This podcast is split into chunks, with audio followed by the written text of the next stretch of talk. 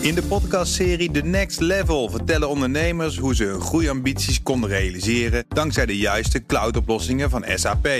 Wat waren de uitdagingen, de oplossingen en hoe ging de uiteindelijke implementatie? Benieuwd naar hun verhalen en hoe zij met behulp van SAP ook hun toekomstige ambities kunnen behalen? Luister de podcast The Next Level via de BNR-app of je favoriete podcast-app.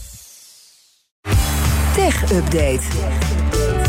Met Jo van Buurik. Hey Jo. Dag Liesbeth en Kees. Ja, uh, we zijn hier allemaal twitteraars in de studio. Mhm. Dus dan kunnen we het over maar één ding hebben. Twitter heeft een nieuw logo en een nieuwe naam. X. Ja, nou ja, wat we zien is het nieuwe logo. En daar ga ik zo meteen even iets meer over vertellen. Uh, want ja, tegelijkertijd zien we nog steeds gewoon Twitter staan. En de app heet nog steeds Twitter, maar het logo is een X. Een gekantelde X zelfs, ja, een kruis dus, uh, als logo linksbovenin in beeld. Als je ingelogd bent in de webversie.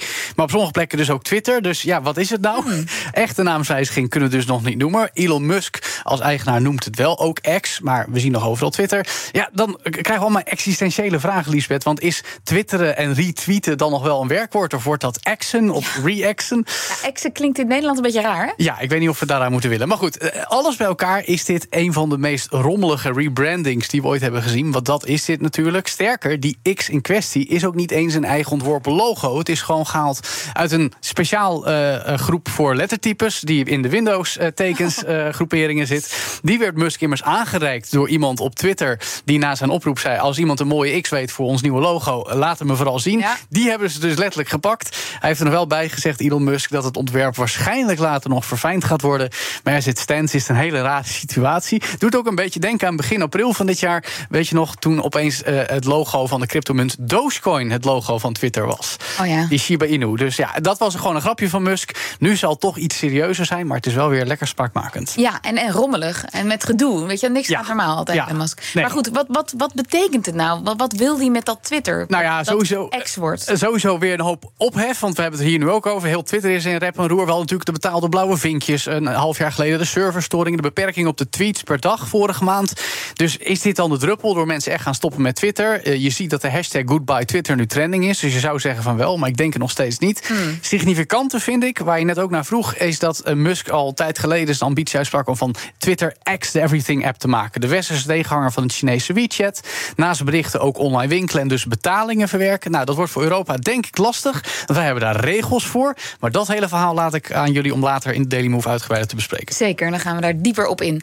Dan gaan wij door naar eh, nou, ander ernstiger technieuws. Eh, Er zijn kwetsbaarheden ontdekt in ons radiocommunicatienetwerk. Ja, dat gaat om het systeem dat onze radiocommunicatie mogelijk maakt bij bijvoorbeeld diensten van de overheid. Een standaard met de naam Tetra, die wereldwijd gebruikt wordt, opgetuigd vanuit Europees initiatief, om kritieke infrastructuur, zoals energienetwerken, gasleidingen en treinen aan te sturen in verschillende Europese landen. Daar kun je nogal misbruik van maken, legt Jos Wetsels van cybersecurity-bedrijf Midnight Blue uit. Als je kijkt naar de kritieke infrastructuur, is het mogelijk met deze kwetsbaarheden hoogspanningsnetwerken of olie- en gaslijnen te manipuleren met ja, alle gevolgen van dien. En als je kijkt naar de politienetwerken en de militaire netwerken, dan stellen deze kwetsbaarheden een aanvaller in staat om, eh, ja, om ze af te luisteren. Ja, dat is toch al behoorlijk ontluisterend. Onderzoek van vakgenoot Daniel Verlaan bij RTL Nieuws vandaag.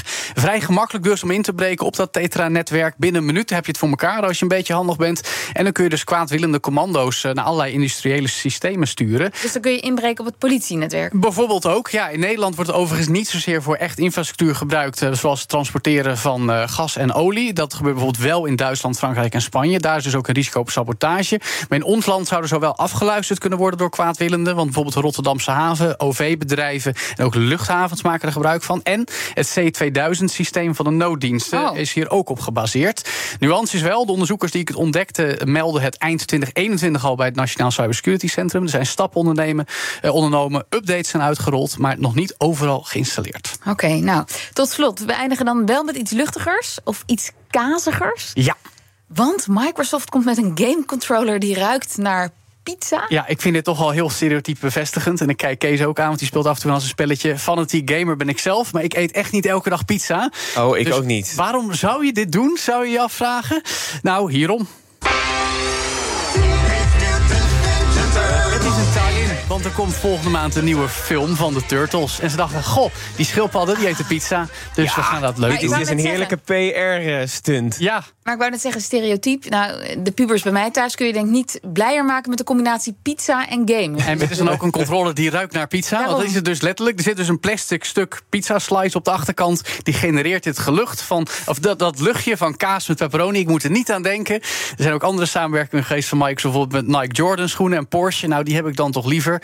Mocht je toch heel graag, misschien jouw kinderen inderdaad zo'n naar pizza riekende controller willen. kun je terecht op Twitter. Pardon, ex. Ah, maar Dus. Ik denk dat als, jij, eh, als zij zo vaak pizza eten... en jij ruikt even aan de controllers van jouw kinderen... dat het sowieso al wel naar pizza ruikt. toch? Ja, dat zouden ze wel willen. Ja, Dankjewel, Joe van Buurik. De BNR Tech Update wordt mede mogelijk gemaakt door Lenklen. Lenklen. Betrokken expertise, gedreven resultaat. In de podcastserie The Next Level vertellen ondernemers hoe ze hun groeiambities konden realiseren dankzij de juiste cloudoplossingen van SAP. Wat waren de uitdagingen, de oplossingen en hoe ging de uiteindelijke implementatie? Benieuwd naar hun verhalen en hoe zij met behulp van SAP ook hun toekomstige ambities kunnen behalen? Luister de podcast The Next Level via de BNR-app of je favoriete podcast-app.